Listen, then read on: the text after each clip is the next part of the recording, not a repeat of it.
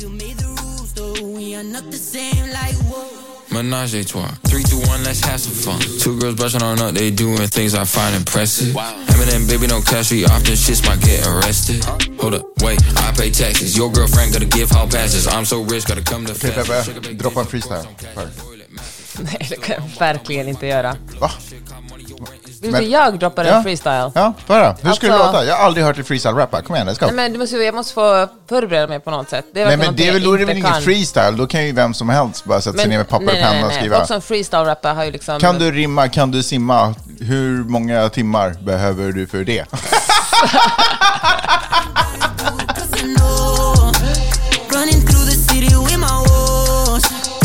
Cause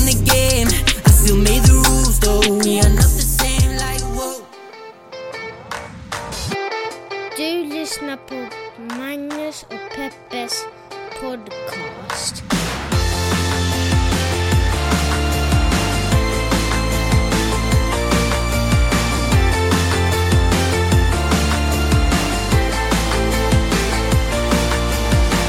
Yep, you better believe it. Vi är tillbaka i era öron med ett färskt, rykande poddavsnitt eh, från ifrån podden som heter Magnus och Peppers podcast. En podcast där vi nu i över tio år har pratat om stora och små händelser i världen och så har vi gjort det ur ett feministiskt, journalistiskt och eh, me mediegranskande. Jag ville på något sätt säga medborgar... Någonting. Det känns som att det är kanske mer rimligt egentligen. Ett medborgarperspektiv. Ett medborgarperspektiv. Anywho's, min jag heter Magnus Silvin Söman, för du som är ny, eh, tillkommen lyssnare. Hjärtligt välkommen ska jag kanske säga. Kanske säga. Hur ska Eh, du presentera dig annat än med namn? Men jag ska bara först säga att med mig har jag min co-host Jeanette Marie Öhman, a.k.a. Peppe. Hej. Hej, men är jag verkligen din co-host? Ja, men det får man väl ändå säga. Någon måste ju vara... Jag, jag tycker ändå att det är jag som leder framåt programmet. Jag är, är väl mer programledaren. Eller hur? Ja. Sen är du kanske typ experten, bara wow, jag kan massa saker, typ så här, kan räkna på fingrarna och grejer, liksom. Men det är ju ändå jag som är så här, nu har vi pratat klart om det här, vi går vidare, typ, eller? Men okej, säg att någon är nytillkommen lyssnare. Hur presenterar du dig då? Nej, men jag skulle presentera mig som en eh, sympatisk, charmig, liksom kul kille att vara med, eh, mest så. Okej. Alltså, Du då? Nej, men får jag säga en sak? Vi, vi var ju bjudna på en otroligt trevlig fest eller tillställning i lördags. Ja. Ja. Shoutout till Jasmin som är världens bästa på att föra ihop folk. I, vi var, det, var bjudna till ett, det var ett otroligt hus i West Hollywood. Det var verkligen så här som man föreställer sig att riktigt, riktigt rika människor bor i West Hollywood. Och så stod jag och pratade med en eh, kille som hade en podcast och någon slags... Du pratar om vad jag gjorde Ja, på festen? men det var Ah, jag bara okej. säga. Ja, ja. Och så, så stod jag och pratade länge, ni pratade jobb, du bad mig med att producera podcaster. Han bara, Vi ja, börjar ja. med att snacka godis om jag ska vara helt ärlig. Okej. och, eh, och så, fråg, så ska ni byta uppgifter och Mm. då är han helt sådär, men vad heter du på Instagram? Vad är din handle på Instagram? Mm. Och då, då kände jag hur du, du var believe it or not. L- lyssna på det här. The Podfather. Ja, nej, men det, är, det är ju ett bra namn och eh, då vill jag ju ge en till shoutout till, eh, till Daniel Egge som, som har jobbat tillsammans med mig väldigt länge. Det är faktiskt han som kom på att jag skulle kalla mig själv för The Podfather. Otroligt slagkraftigt. Eh, jag vill bara säga att jag tycker män borde ehm, Män borde, vad heter det, prata mer godis med varandra. Otroligt sätt att inleda konversationer. Alltså män som inte känner varandra, som ska lära känna varandra. Godis är en jättebra isbrytare.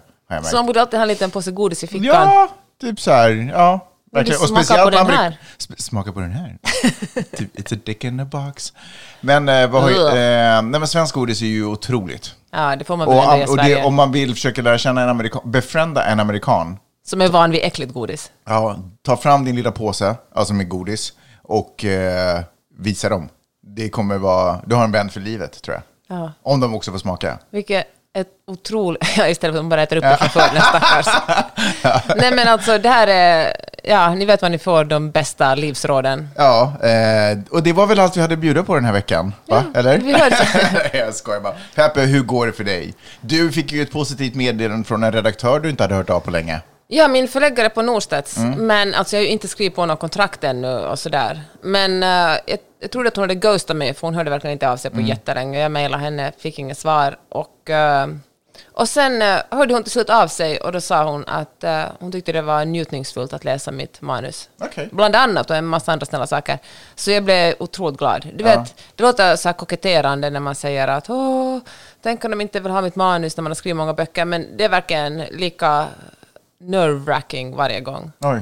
Det är så mycket jobb man lägger ner. Alltså det är ju otroligt Men mycket är jobb. det, är, det, är det verkligen eh, nerve-wracking på grund av jobbet man har lagt ner? Är det inte liksom eh, formen, alltså hur, vad, vad det är för sorts jobb? Att man lägger sitt Ja. lilla hjärta på papper? Det är ju det mest eh, privata som finns igen. Trots att man inte skriver om sig själv så är det ju ändå bara saker som kommer rakt Nej, men man har försökt själv. skapa någonting Ja. som man vill bli uppskattad för. Jag antar att det är så med all konst. Egenskap av konstnär. Nej men jag skojar. Men vet Är du, författarskapet en konstform? det kan man väl ändå säga. Det Kan man det? Ja, Ja. kanske det är det. Ja. Kanske inte om man skriver en kokbok. Wow.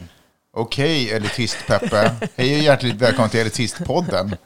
Här gör Ah. vi skillnad på böcker och böcker, folk och folk. Det pågår ju en jätteintensiv diskussion i svensk Finland om det, vilket är jättebra tycker jag. Jaha. Det här med att, eh, att man får inte tycka att viss litteratur är bättre än annan litteratur, för då kan de bli ledsen. Ja, just det. Men, eh, men också tror jag att folk... Det är ju intressant. Det där är ju mer, känner jag, ett svenskt förhållningssätt som Finland Ja. förut har tagit avstånd ifrån. Verkligen. Ver, faktiskt sant.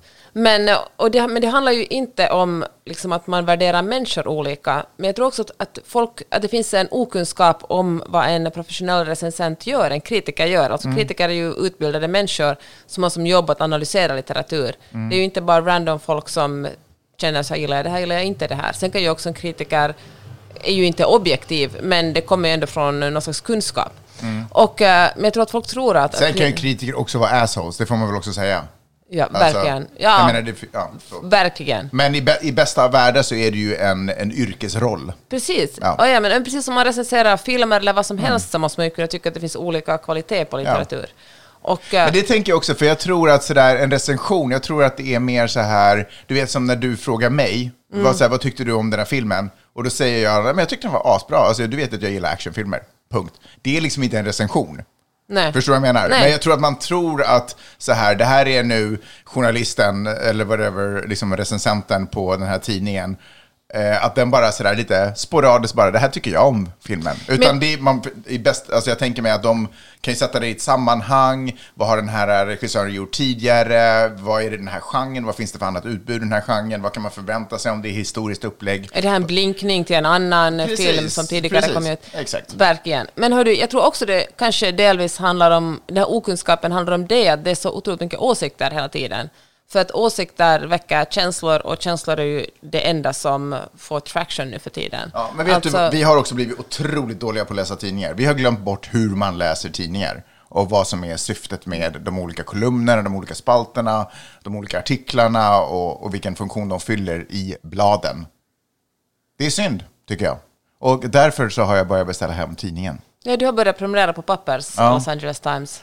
Jag tänker att en vacker dag så kommer eh, våra barn krypa upp bredvid oss när man sitter med LA Times och så kan man berätta lite om tidningen och vad den innehåller och vad, de här, vad den här kolumnen... Vet du vad, jag tycker det är någonting man borde lära sig i skolan, skillnaden Det- mellan åsikt och uh, vad är ett reportage är, vad en opinionstext är, liksom, vad är recensioner. Jag kände när jag gick i skolan att vi fick lära oss det faktiskt. Att man pratade om eh, tidningen, hur den är upplagd. Vi fick Mm, göra verkligen. egna tidningar också. Det tror vi också gjorde. Men kanske man gör det fortfarande, vad vet jag, och folk bara har glömt bort det. Ja, kanske. Men jag tror verkligen att vi översköljs av mycket fler åsikter idag än för 20 år sedan eller 30 år sedan. Absolut, men det är ju också för att vi tillåter, vi har ju gett åsikter en helt annan betydelse Mm. idag än vad det var förr i tiden. Förut var det bara, förut kunde man typ säga sådär, smaken är som baken. Alltså du vet, åsikter, Mm, det var bara någonting som, du vet, en hade en och en annan hade en annan. Men idag är det ju saker vi använder som argument för varför vi ska välja en väg från en annan. Det är ju åsikter, det är ju liksom inte...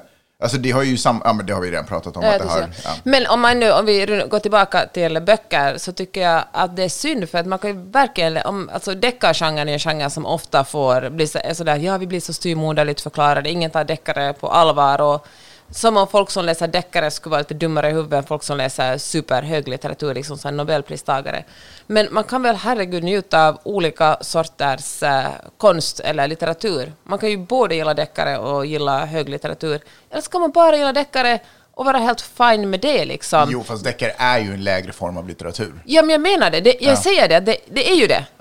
Alltså, för, jag är säger, underhållning. Jag, jag håller, det är underhållning. Och det, men det är också fine. Det betyder inte att folk som läser deckare är på något sätt mindre värda som människor. Absolut inte. Det är som att jag tittar... Eller kanske. Vi kollar också på Love, Love is blind, som ju verkligen är lågkultur. Alltså. Men det betyder inte att vi är sämre människor än det. Nej. Förstår du? Alltså jag nej, nej, menar nej, absolut. att det handlar inte om ens människovärde, den, den litteraturen som man konsumerar, men jag tror att, att diskussionen kom, blir att handla om att uh, all litteratur ska ha exakt samma värde och vara lika viktigt. Och det kanske inte är så. Det blir lika lite, lika lite som annan sorts eh, konst eller liksom tv-serier eller vad som helst. Det finns bättre och sämre. Det finns sämre dokumentärer och bättre dokumentärer. Ja. Alltså syftet med, dem, med en deckare är ju helt annat än till exempel ett annat verk skrivet. Alltså, Ja. sådär, skrivet med. Alltså, det handlar ju, allt handlar ju om vad författaren försöker eh, åstadkomma. Och det är okej att bara försöka åstadkomma underhållning. 100 procent, absolut. Men du, vi har ju touchat på det där ämnet förut. Jag är ju lite benägen, alltså så här bättre och sämre. För det första tycker jag att det är ju, det är ju egentligen ganska sorgligt att böck, eh, deckare då till exempel, att det eh, liksom ställs emot andra former av litterära verk. Alltså stora lit litterära verk, eller poesi. Att de liksom ställs som att bara för att det är ett skrivet ord så då ska vi börja ranka dem gentemot varandra. Det är ju liksom egentligen helt olika saker. Jag menar, deckare borde ju istället ställas ihop med kategorin underhållning och så tittar vi vad har vi för underhållning inom tv, vad har vi för underhållning inom eh, konst vad har vi för underhållning, förstår du vad jag menar? Istället för att de ska gå i det skrivna ordet-genren.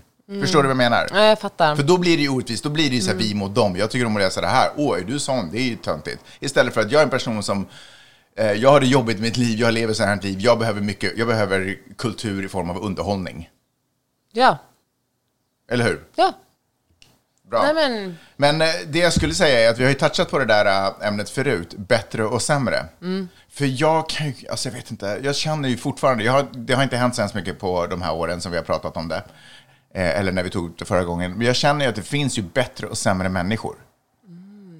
Men eh, du menar, har de olika människovärde? Jag tänker att det finns, alltså om man på riktigt skulle sätta sig ner och börja försöka, jag tänker att det är en slippery slope. Men om man skulle göra det, sätta sig ner och fundera på, kan vi komma upp till, kan vi liksom på något sätt hitta en, eh, ett värde på människor, då tänker jag att folk skulle rankas ganska olika. Putin skulle ha ett ganska lågt värde. Eh, Jag, jag tänker absolut inte gå in på namn. Det är väldigt lätt att ta eh, diktatorer och folk som förstör och mördar folk och sätta dem lågt rankade. Eh, och det är ju väl ganska naturligt att det är så. Men jag tänker att det också, lågt rankat tänker jag också, du vet om man inte ens bara gör någonting. Man inte, tar inte tag i sig själv eller lever ut sin potential eller du vet om man är en latmask typ, lite så. Då tänker jag att Nej, man är fan, sämre. alltså, folk ska väl få vara latmaskar så mycket de vill. Jag tycker Nej, men att vi jag annars menar- också lever i ett inte jag- hysteriskt prestationssamhälle. Nej, men nu snackar inte jag perioder eh, av då Mm. man måste ladda batterier. Jag menar människor som från början till slut inte har varit till någon Fast, nytta Magnus, för någon människa. Problemet, som du säger, det är en slippery slope, men problemet med det där blir då att vi... Alltså, fan, nu för tiden är det väl okej att dra, dra Hitlerkortet, men alltså, det är ju inte en demokrati, det är ju liksom inte en, en sån värld vi vill leva i. Vi måste helt enkelt utgå från att alla människor har samma värde, för att de som har det svagast och blir eh, diskriminerade ska kunna liksom få det stöd de behöver. Nej, men här är det här är liksom lite tankefnurran. Även fast man har ett lägre värde som människa. Gud, härligt samtal. Okej, även fast man har ett, okay, humor me. Även fast man har ett lä- lägre värde som människa så är man ändå viktig för mänskligheten och för världen. Eh, och det hänger egentligen mer ihop med att folk som har ett lägre värde, om man sätter dem tillsammans och tillsammans så har de ett högre värde. Förstår du vad jag menar? Man behöver, man behöver den stora massan av människor med lägre värde. Förstår du vad jag menar? Vi kan ju inte bara ha folk som går omkring och är superviktiga för världen. Alltså då blir ju ingenting gjort, om jag ska vara helt ärlig. Alltså, för det behövs ju... Förstår du vad jag menar? Ja, men jag, kan ändå, jag kan köper gå, inte det. Alla kan ju inte gå omkring och lösa liksom, cancerns, liksom bara hitta botemedel till cancern och, och, ha, och fylla en viktig funktion för Men mänskligheten. kan vi inte ställa sig att vi har olika funktioner här på jorden?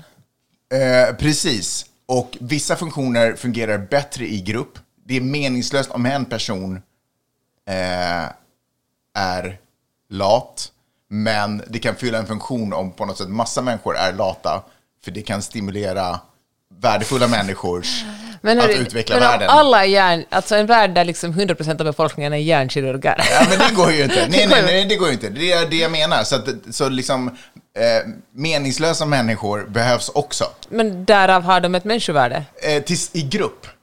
Men Åh, inte, som gud, inte som individer. Nej, men så här. Om man ska... Alltså okej, om vi tar det liksom hårdraget. Vi tar tillbaka ättestupan som fenomen. Den ska ju, det har ju aldrig existerat i och för sig, Mm. får jag bara säga. Det är en myt. Eh, I den ättestupan handlar om att när folk blir tillräckligt gamla och de inte fyller någon funktion för samhället så skulle man putta ut dem för ett stup. Det var liksom ättestupan.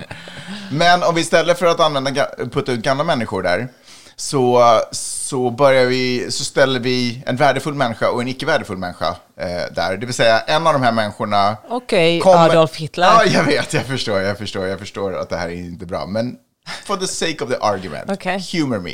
Det här är inte... Det här är inte någonting jag tänker ställa upp i politiken med. Det här är inte, liksom, det här är inte någonting jag drivs av. Det här är bara ett tankeexperiment Ah, okej, okej, okej. för podden. Skönt, allt är verkligen tillåtet i den här podden. Ja, men jag tänker att det är ett tankeexperiment Mm. bara. Och vet du vad? Om du som lyssnar på det här kommer på att, men herregud, det här är det mest fruktansvärda jag hör. Good for you! Jättebra!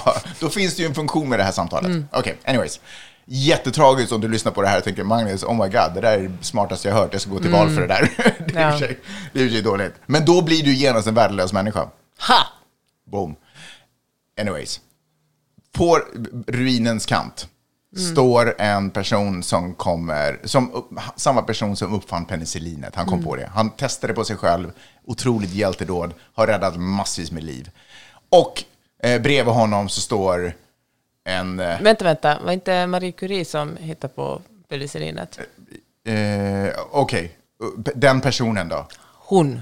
Hen. Hon! Okej, hon. Jag har för mig att det okej, whatever, hon. Och bredvid står en eh, person som inte har varit till eh, nytta för sina barn eller inte varit närvarande, bara varit på en egotripp hela sitt liv eh, och inte har eh, tillfört samhället någonting gott. Okej, så obviously måste vi ju putta ner den personen om någon ska puttas. Så det finns ju en distinktion mellan människor. Men vadå, det här är ju alltså... Mm, men alltså det här situationen är ju en jätteskum. Det är så här falsk eh, dikotomi liksom. Nej, Det finns inget putt.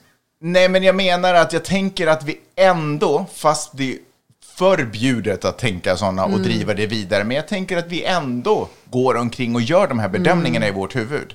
Ja, det kan jag hålla med om. Men jag tycker det är jätteviktigt att vi lever i ett, en värld, ett, eller ett samhälle där det finns lagar och regler kring att, som utgår från att alla människoliv är lika mycket värda. Så du menar man får känna vad man känner, men man måste ändå agera för det som ändå är det. Ja, man måste stifta lagar och Det är liksom... nästan så som jag typ röstar i parti. Alltså så här, mitt liv skulle ju obviously vara mycket bättre om en högerregering regerade, Mm. eh, förstås. Det skulle ge mig mer pengar, det skulle forma samhället ut, utifrån exakt hur jag ser ut, basically. Så därför så kan jag inte rösta på det, därför. Precis. då är det ju massa andra människor som, måste, som blir lidande. Som, för de flesta ser ju inte ut som jag och har inte som jag, alltså måste jag rösta vänster typ. Mm. Men, I du vad? mitt fall. Men precis, för till exempel, vissa länder... Borde vänsterpersoner tänka så också då? Så att sådär, de borde egentligen då rösta höger, för de kan inte... Ja, men till, exempel så här, i Kina är det ju inte så. Där finns ju uigurerna som sitter i här, praktiskt taget arbetsläger. Ja. De, ska bli, de är muslimer och ska bli liksom omprogrammerade till att eh, bli... Kommunister. Ja, precis. Eller någon slags... Man måste hitta på ett nytt namn för det som Kina har, för det är ju inte direkt kommunism heller. Det är ju ett otroligt eh, kapitalistiskt samhälle samtidigt. Ja, men kapitalism-kommunism Ja, men, eh, men på tal om det, alltså, jag vill inte säga några ord om uigurerna, för man tänker att det är en sån anonym, jättestor folkgrupp som lever typ väldigt ruralt. Men häromdagen när jag satt på mitt kvällsskroll av TikTok såg jag att det var två kvinnor som, du vet det finns en trend som heter sådär, uh, We're American women, we don't get to decide about our own bodies. Har du sett den trenden? Ja, jag har sett den. Ja. Okej, och de var så här, vi är uigurer, såklart det är, klart, såklart det är okej att slänga oss i arbetsläger. Mm-hmm. Vi är uigurer, såklart att vi inte får uh, practice vår egen religion. Och uh, det var liksom, det här låter så dumt nu, men det var ju helt vanliga människor. Alltså det var helt, det var inga Alltså jag fattar att det är helt vanliga människor, men det var en sån... uh, jag vet inte, det slog mig. Där är de, gör exakt, när jag ligger på mitt kvällsscroll av TikTok så gör de också det, lägger upp samma trend som alla andra gör. Och samtidigt så löper de risk av att hamna i arbetsläger för att bli omprogrammerade. Ah, ja, ska vi gå vidare? Ja.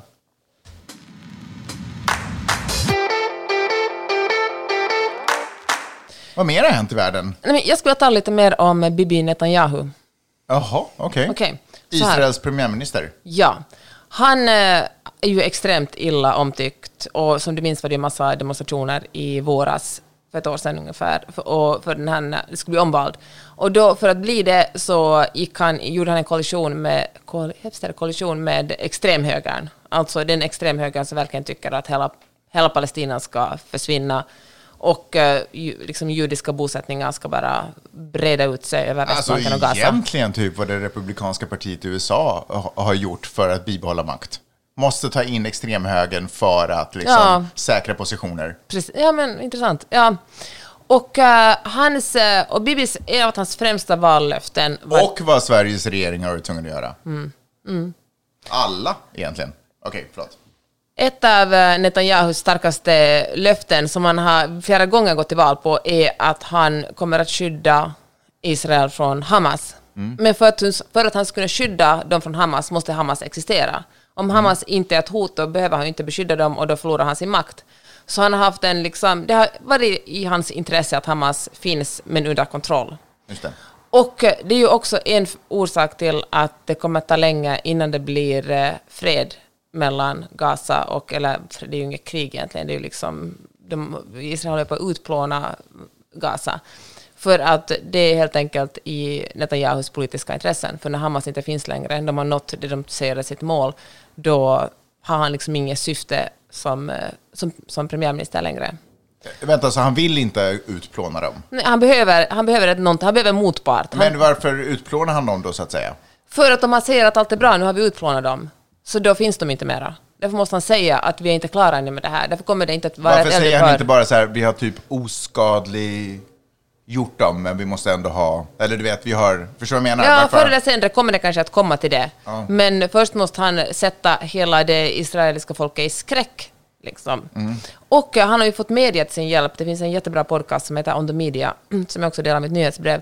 Det här avsnittet som handlar om att, att när hela världen är, som protesterar mot eh, det som Israel håller på med i Gaza, så verkar israelerna vara liksom ganska det lilla man ser verkar de inte vara lika, de verkar liksom inte förstå vad som händer, för de ser sig själva som offren. De ser liksom, det är de som har utsatts för en fruktansvärd attack, vilket stämmer. Men, eh, men de verkar som inte ha så mycket att säga till om det som händer i, i, i Palestina. Och eh, då hade On the Media ett otroligt bra reportage som handlar om hur israelisk TV har fastnat kring den eh, 7 oktober. Det, det, säger, det händer inte så mycket mer där i TV. Man bara pratar, med, pratar gång på gång på gång om vilket fruktansvärt våld som de här israelerna utsattes för. Och man nämner absolut inte att det pågår hungersnöd i Gaza eller att hur många barn som har dött och, eller hur många liksom, att sjukhus är bombade och så vidare. Och så vidare. Det liksom existerar inte. Och förr har det tydligen, det har funnits en typ Fox News, en jättekonservativ eh, TV-kanal som är också den populäraste kanalen i Israel.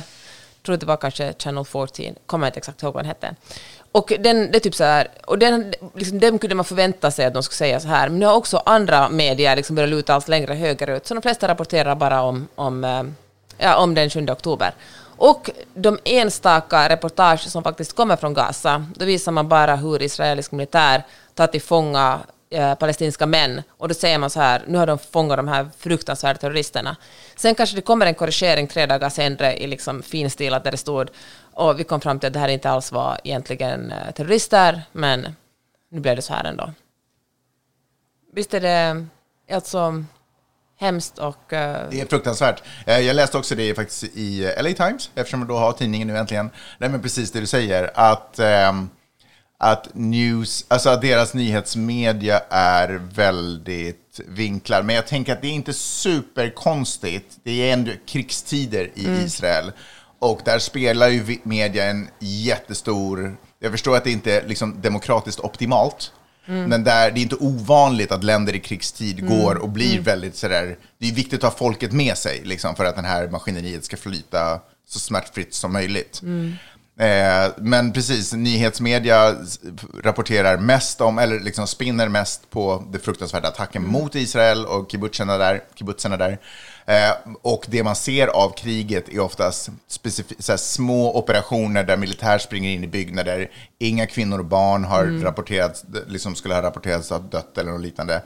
Utan det är väldigt sådär uh, utvalda bilder för att typ skydda israelerna mot vad det är som egentligen Händer grannar med dem. Skydda eller eh, hindra dem från att se vad det är som egentligen händer. Jag vet inte riktigt vad som är.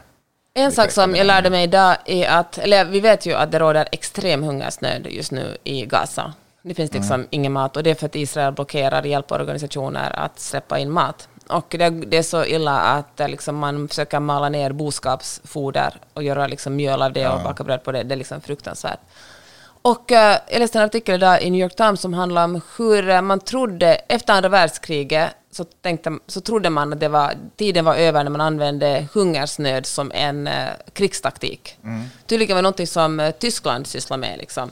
Det kallades, vänta ska jag se vad det, vad det kallades. Um,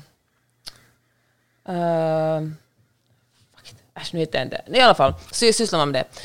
Alltså helt enkelt att man låter folk eh, Svälta. svälta för att kunna kontrollera landet. Men det har tydligen Saudiarabien också gjort med Jemen till exempel. Man bara blockar alla sorters eh, mattransporter och eh, ja. Och det är ju såklart liksom, det är ju civila som svälter också. Det gjorde man också alltså mot Ryssland under andra världskriget. Man var blockerad, så folk hade liksom, det fanns ingenting att äta. Ja. Ja, Vidrigt. Eh, vidrigt. Ja. Alltså fruktansvärt. Eh, samtidigt så pågår också kriget i Ukraina. Ryssland. Och det ser ju faktiskt mörkare och mörkare ut nu för Ukraina. Jag läste att man tror att Ukraina kommer delas upp. Om inte i år så snart. Vad säger du om det? det är fruktansvärt. Det är verkligen fruktansvärt. Det som jag tycker är lite sådär, hmm, undrar vad som händer sen. Är Ryssland nöjda där eller är det, får de då tid att andas och bygga upp någonting annat och fortsätta projektet ta över världen som en del kanske tror? Eller, ja. Ja, ja, jag tror faktiskt inte det. Jag tror inte att Putin är nöjd med det. Tror du inte? Nej. Jag tror att han kommer att fortsätta. Han kommer att Men se tror han kommer fortsätta in åt vårt håll? Jag menar inte Sverige, men jag menar liksom Estland. Tror att det är, tror att det är NATO? Kommer han vara toucha NATO eller kommer han ta upp en gammal sån här, ett kul projekt han har haft med Georgien länge? Och, Kul projekt. Ja, han har sådär försökt ta över Ja. och- Nej men alltså, det finns Jobbar så han på Sov- Sovjetunionen, de gamla gränserna, eller försöker ja, han... så militära experter i Storbritannien pratar ju om det. Som säger att, att britterna ska förbereda sig på att det blir ett, ett, att, att Ryssland kommer att attackera ett NATO-land inom 56 år. Mm. Jag vet inte, det är ju alltid bara spekulationer. Men... eh, Alltså jag måste ju säga att skiten håller på att träffa fläkten. På grund av att Ryssland tvingats också göra affärer med eh, Nordkorea. Nordkorea och Kina för den delen, så har ju eh, dels så i Kina har ju fått lite eh, luft under vingarna när det kommer mot Taiwan. Och det är inte alls bra för USA. Eh, alltså det är inte bra för taiwaneserna heller, men det är inte heller bra för USA som har lovat att försvara det och det blir liksom så här, hmm, då måste USA sätta ner foten. Alltså mycket provokationer. Och precis som du sa, Nordkorea, Kim Jong-Un har, han har fått massa kapital och kan plötsligt börja utveckla massa kärnvapen. De gjorde någon, nyligen gjorde de några uppskjut från någon ubåt. De har aldrig haft kärnvapenarsenal på, till havs förut, om jag förstått det hela rätt. Eh, Sådana saker är inte heller bra. Han är väl kanske inte så mycket intresserad av liksom, den övriga världen. Han vill väl ha Sydkorea. Liksom. Det är en gammal beef eh, där. Eller? Han vill, alltså vill ha Sydkorea. Alltså han har väl ingen minsta chans att, att ta sig an Sydkorea. Nej, men är man galen och gör något, alltså inte fan vet jag, skitsamma. Ja. Galna människor, mycket makt, har nu också ganska mycket pengar och de har också kärnvapen. Och man vill bara inte ha folk, alltså anywho's. Ehm, och alltså, en gång i tiden var ju USA världens polis. Och USA har ju bestämt, eller har ju liksom den senaste tiden, och Trump, det här är ju också Trumps grej, att så här, USA gör USA, nu får lite världen sköta sig själva. Vi, kan inte, ha- vi springer inte Trump vill ju verkligen gå ur NATO och dra ur Ja, vill inte hålla på exempel. med krig eller förbinda sig till massa så här, vi kommer kliva in och, och amerikaner kommer dö. Och jag kan liksom ish fatta det. Samtidigt så går det ju lite mot eh, den här Make America Great igen great igen. det är lite norskt nästan. Eh, Make America Great Again, för det var ju en del av storhetsperioden att det var en supermakt som eh, höll ordning och ett lugn i världen. Och jag eh, känner mig lite otryggare när jag inte känner att USA Fast Biden är ju på det igen. Skickar trupper hit och dit och liksom... Jo. eh, Han... Precis, spränger lite i... Uh, i Iran. Nej, var, var var det Jemen. någonstans? Jemen var det, men det var någonting annat. Det var några amerikaner som dog här nu i helgen eh, på någon bas någonstans. Och då sitter man och väntar på att USA ska göra någon ny. Alltså, det, så här, det är väldigt mycket pokandé överallt. Och det känns som att om inte den här ekonomin vänder snart. Va? folk- Det vänder ju. Det går ju Jo, superbra. men om inte- om Aktiekurserna är på rekord. I USA, ja. I USA, ja. Mm. I USA. Men jag menar i övriga världen, i Europa och de här höger-viben, den här aggressiviteten, om inte den liksom börjar vända snart, eh, så då tror jag att det, det kom, någonting kommer hända. Det kommer vara typ ett skotten i Sarajevo. Någonting kommer Mm. hända som gör att krutdurkar bara flipping flyger i luften. Mm. Och sen så får vi alla ta skydd i typ ett decennium, några decennier innan radioaktivt herregud. avfall Nej men tyst med det, säg inte sådär. ur jorden. Nej, det, så illa tror jag inte. Men jag tror verkligen att, att Biden kommer att, eh, han kommer att synas Alltså, någon mera måste stoppa. Ryssland. Alltså jag tror att Biden också, om man ska vara cynisk, så kommer det också att Men göra Biden gott har inte så lång tid eh, kvar. Han har bara några månader kvar på jobbet. Ja, men han kommer ju, han är ju ingen, alltså han vill ju bli omvald, herregud. Jo, men det Det kommer, är han, det bli. bästa. kommer han verkligen bli det? I know. man. Han kommer att bli det. Jag kan säga, jag är helt säker på att han kommer bli omvald. och vi sen kommer Gavin Newsom alltså att ställa upp nästa val. Jag tror det. Ja, jag lyssnade på Estra Kain hade, har ju en jättebra podcast på New York Times, och det intervjuade med en politisk expert som sa att, eh, nej men han sa att, att eh, Demokraterna undervärderar sin egen, sitt egen tyngd just nu. Det går egentligen jättebra för Demokraterna. För, och det stämmer, alltså sen Trump, Trump har vunnit en gång, och efter det har han bara förlorat. Inte liksom bara personligen, utan också mellanårsvalen har han förlorat. Han har förlorat jättemånga domar i olika delstater. Aborten var ju en katastrof för honom. Så det är, ja, det är svårt att säga. Det som jag tror, att, det som vi talade om i förra podden, är ju det här liksom om att unga människor börjar tappa förtroende för Biden eftersom han inte tvingar fram en eh, ceasefire, ett eldupphör i Gaza. Jag tror att det kommer att skada honom, det här bråkade vi om senast också, men jag tror verkligen det kommer att skada honom mycket mer än han själv trodde. Jag tror det är en chock för honom och väldigt många andra äldre amerikaner eftersom det har varit så självklart för så många generationer att Israel och USA hör ihop. Och nu Fast liksom, Israel har också betett sig lojalt gentemot USA i sitt agerande också. Mm. Granted att de har varit hårda mot sin omgivning. Men det här är liksom, det här är different level. Mm. Alltså de, det vi pratar om, de, det, alltså den här sydafrikanska stämningen Mm. av Israel eh, in i eh, int- internationella. internationella domstolen i Haag på basis av genocide, alltså folkmord, är legit. Alltså det är, Mm. de håller ju på att utrota. Alltså det, flyger, alltså det dör så mycket folk där så att det är helt sinnessjukt. Mm. Men vet du, det kan ju också vara Bidens räddning. Nu är det här så här cynisk politik igen, men sätter han ner foten där och säger att eh, nu har vi fått tillräckligt. ja, om man, om man, ja, precis, om man lyckas en in... tillfällig fred, då kan han ju gå till val och säga att den till. Han gör- går till val på att ekonomin går som Mm. jättebra. Så han har gjort tillfällig fred i, eh, i Mellanöstern. Mm. Han, eh, han är den i USA, abortfrågan kommer att vara en av de största frågorna i, i, i, i presidentvalet igen. Och det trycker de ju på. Ganska, Biden säger något, ganska sällan säger han själv det eftersom han under alla sina år, vilket är ungefär 370 år som politiker, han är ju eh, katolik och han har ju alltid varit mot mot abort.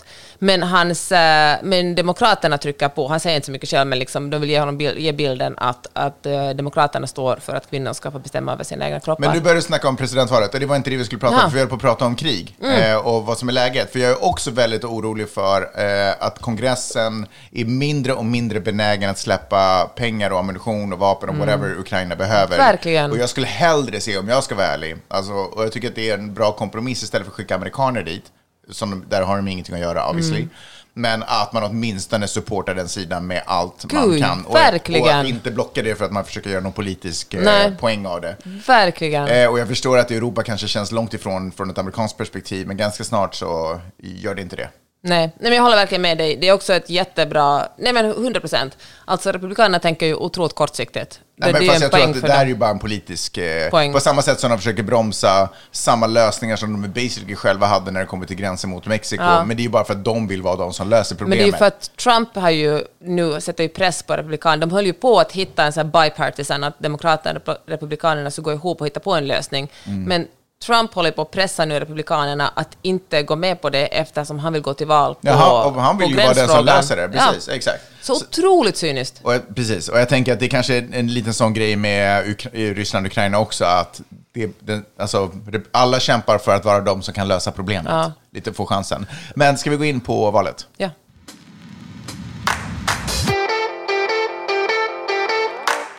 Kan vi börja med att säga att Trump precis fick, red, fick en eh, nota på 83 miljoner dollar för att ha Alltså, eh, vad, vad, hängt ut eh, den här 80-åriga damen, vad heter hon? Vad var liksom hennes deal egentligen? det Åh, kommer jag inte riktigt ihåg. Carol, Ja, gud vad någonting sånt. Jag ser henne överallt i varenda morgonsoffa. I Sean Carroll. Ja, så grejen var för, no för något år sedan eller något år sedan så dömdes han då för att förtal eh, och då fick han betala, jag tror att det var 5 eller 10 miljoner dollar. Men sen så fortsatte han ändå och då tog de honom till rätten igen och nu blev notan på 83 miljoner dollar. Hon, det här hela grundar ju sig i att på 80-talet, sen att hon var i ett, eh, han och hon råkade befinna sig i ett varuhus och hon skulle byta om, så hon gick in i en, ett provrum, då kom han efter och våldtog henne. Och han är inte dömd för att ha våldtagit henne, men han blev dömd för att ha sexuellt ofredat henne. Mm, just det. Och Eh. sen kom förtalet, och sen fortsatte han förtala henne, och nu kommer det en ny Ja. beräkning på det. Och då tänker man så här, men kommer han vara tvungen att betala? Och då ska jag ge en liten update på Ja, hur, hur det kommer fungera. Eh, han har ju 83 miljoner dollar. Eh, vare Han har det? Mm. Ja, men alltså i värde i hus och du vet, han, de, de eh, pengarna finns ju någonstans, fast de kanske är låsta i whatever. Han kanske inte har, sitter med cash under i plånboken. Mm, Inte i plånboken, ja. Nej. Men, men det finns i, i saker han Mm. äger. Så, eh, han har ju förstås överklagat. Så det är inte säkert att han i slutet, det kan också vara att han måste betala mer. Alltså Mm. om han överklagar och du går till rätten igen så kanske den rätten bedömer, men vänta det är 150 eller 300 miljoner. Eh, men det kan också bli mindre. Men poängen är att i väntan på att den här appealen, överklagningen, ska ske, så måste så reserveras de här pengarna. Från, Han måste sätta in de här pengarna på ett... Jaha. Så det är som att det liksom på hans bankkonto står det så här reserverat belopp. Och så kommer det vara reserverat belopp tills de har rätt ut huruvida de ska Intressant, jag inte. släppas tillbaka till honom eller om de ska gå till henne. Så att han blir ju basically av med 83 miljoner dollar under en, eh, den här tiden som han håller på och försöker lösa det.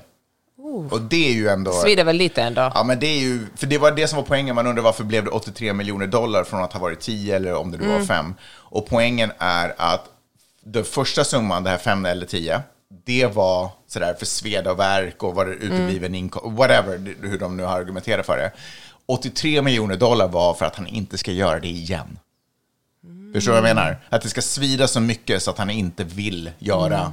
Eh, för att han hade ju skitit i att han fick betala 5-10 eh, och hade fortsatta, eller hade fortsatt att liksom förtala henne. Så de, de märkte ju att de här pengarna hade ingen effekt på honom. Så nu ska det ha effekt. Det har varit syftet med den så otroligt höga. Ah, intressant. Alltså vilken jävla asshole han är, måste jag ändå säga. Ja, så eh, kan man väl resonera. Men eh, han leder ändå i, eh, som Republikanernas kandidat. Han har vunnit i New Hampshire som har varit en sån Först i här... Iowa. Iowa är det, och New Hampshire också. Ja.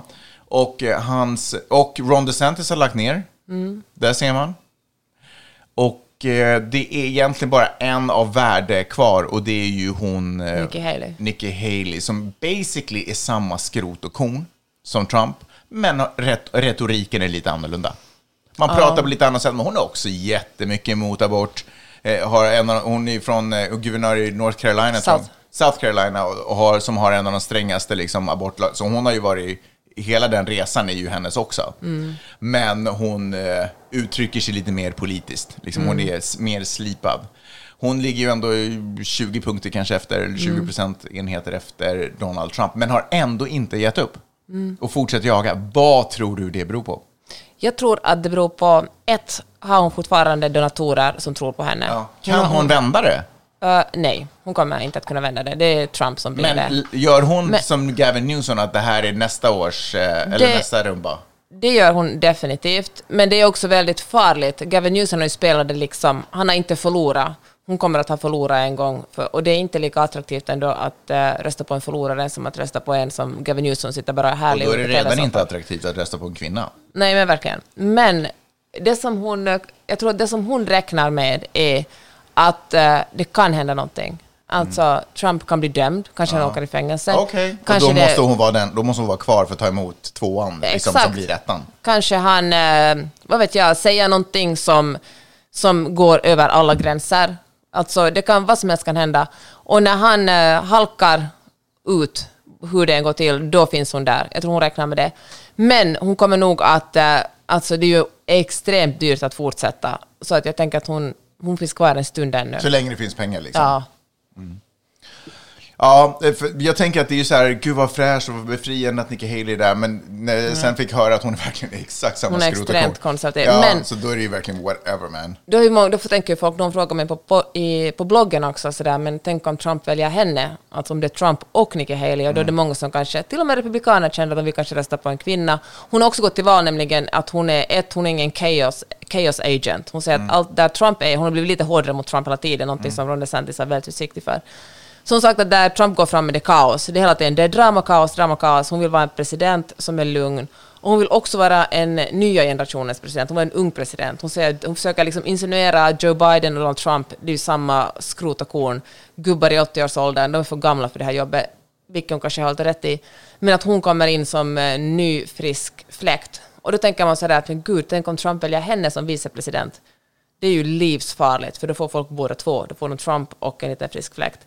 Men jag tror faktiskt att hon har sårat Trumps ego så pass mycket. För hon har också insinuerat att han har kognitiva problem. Hon bara, vi vet, ni vet, vi vet ju alla hur våra föräldrar blir, de närmar sig liksom 80-årsåldern. De blir lite gaggiga har hon sagt och sen insinuerar det Trump är Fast det där höll ju DeSantis och Trump också på. Så fort DeSantis Mm. la ner, Trump bara, he's actually a good guy. Nej, ja, men hon får nog krypa till korset ordentligt. Ja, man vet aldrig. Man vet vet aldrig. alltså aldrig. Men Trump hatar ju också kvinnor och hon råkar vara kvinna. Ja. Så får se. Däremot tror jag att han kommer att välja Tim Scott som också var en av kandidaterna. Extremt eh, konservativ och svart för att, och då kan han locka till sig svarta Just väljare. Just det, just det. Och eh, det är så jätte... För i jag de tror här nästan första... att det är det troliga, för då kan han vara sådär, jag är inte rasist, kolla vem som står bredvid mig här. Exakt, jag har liksom en vän som är svart. Ja. Och eh, det som är väldigt, eh, också så tyder på det är att Tim Scott var singel väldigt länge in i debatterna. Mhm. Och folk spekulerar, liksom, här är en, en man i vad vet jag, 60-årsåldern, 55-60, som är singel, vad, är det- Mm. vad är det med det? Och eh, gissa vad som hände? Han träffade någon. Han träffade en flickvän under debatten, vad fint. Det var ju tur. Och nu, har de, nu ska de gifta sig. Vad är det, de är förlovade. Ja, men jag vill inte vara den, det kanske är äkta kärlek, det bara Mm. råkar sig. Men det kan ju också vara att han förbereder sig på att bli vicepresident och då ser det extremt mycket bättre ut att han har en hustru som står vid hans sida än Mm. att han är singel, för då man ju tro att han är gay och liksom, om det finns någonting som republikaner inte gillar så är det ju folk som är Gay. gay. Mm. Om gay-personer ens finns på riktigt, det är Ja, oklart. om de inte bara valt det för att vara Är det speciella. en, eh, får jag fråga en fråga, är det en vit kvinna? Jag vet faktiskt inte. Tänkte om man verkligen vill passa in i Trumps Ja. kabinett liksom. Men jag tänker också att om man ska vara riktigt hård mot republikanerna är de ju inte supersugna på så här biracial re- relationships. Nej. I don't know, vi ska Nej, vi jag, får alltså, jag tycker att det måste vara otroligt svårt att navigera markerna där, vad, man ska, vad som är rätt move för re- republikanerna. Det finns så mycket regler. Ja. Där vissa regler är plockade ur Bibeln, andra regler är plockade av någon form av tradition. Och tredje regel, alltså, du vet, det, är så, det måste vara supersvårt att komma på vad som är bästa strategin. Ja, det är ett konstigt land att leva i, men eh, det gör vi väl ändå. Men helt ärligt, jag har väldigt svårt att se Demokraterna också välja en president som skulle vara i en mixed relationship. Ja. Alltså, jag bara, jag tror, Alltså, Kamala det Harris med- är liksom borderline. Det där är, ja, men de är ju inte ihop. Nej, men Kamala Harris är ihop med Doug Emhoff Ja, ja, är ja, du menar så ja. Ja, precis. Ja, just det. Nej, men jag tänker att det där är mer en amerikansk grej. Jag tror att de Mm. inte har kommit så långt just i... Alltså, ja. Det är ett rasistiskt land helt enkelt. Ja. Straight up. Eh, Peppe, jag är så jäkla trött på att lyssna på dig prata. Jag ska bara säga en sak Jaha. till. Vet du vem som följer mig på Instagram? Vem då? Alexander Stubb, som kanske är Finlands nästa president. Just han gick Det- vidare till andra valomgången med Pekka Haavisto. Ja, Cool. det är väl ändå, han har följt med länge så det är, ingen, det är ingenting nytt. Men det är väl ändå, det är väl, kan, det är väl ändå en flex att Ja, säga att att, du har- Finlands president, om han blir vald, Ja. han följer mig på Insta. För svenska lyssnare, Alexander Stubb, de kanske inte vet vem eh, det är. Vad, vilka, vad representerar han? Ja, men han Är är, det någonting vi skulle vilja se som president i Finland? ja, Han är stark på svenska. Han är finlandssvensk. Han är stark på svenska. Ja, så det kan man ju ge honom. Ja, men han är väl en... eh, Han har ett brett leende och väldigt erfaren. Han har väl varit utrikesminister Väl, i Finland. han har ja. det. Ja, och uh, EU, jobbar i mycket i EU, varit mycket Mm. utomlands, har en brittisk hustru, otroligt internationell. Väldigt sådär uh, sportig, modern man som Ja, ska uppmuntrar liksom... sin staff att ta morgon, Ja. träna på morgonen. Nej, men han är en härlig Plugga till dude. USA, eller England, ja, någonting sånt. Men han... Men eh, moderat, konservativ, Ja, men han är väl mer åt höger än Mm. Pekka Haavisto. så de flesta finlandssvenskar. Så det makes sense, eller? Nej? Nej, det är väl en myt. Ja, är det det? Okej. Pekka Haavisto, vad, vad representerar han? Ja, men han, är ju, han har ju levt 20 år med en man. Det är ju väldigt härligt att om man ska ha en president som har en man, alltså det är ju, alltså, och är själv man. Kan Finland... Eh, Jag tror faktiskt med det. Och Pekka Haavisto, alltså han har jobbat mycket, han är ju intresserad av miljön och eh, han är ju en, ja, men jag, jag tror att han ska vara otroligt bra också. Han har också en extremt lång politisk eh, erfarenhet. så hur det än går så vinner vi, kan vi säga. Ja. Ja, underbart, det är så man vill ha det. Hörni, tack för att ni har lyssnat. Det var, gud vad det var roligt att jag poddade Magnus. Ja, kul! vi gör det igen nästa vecka då. Bra. Hej då! Hej då!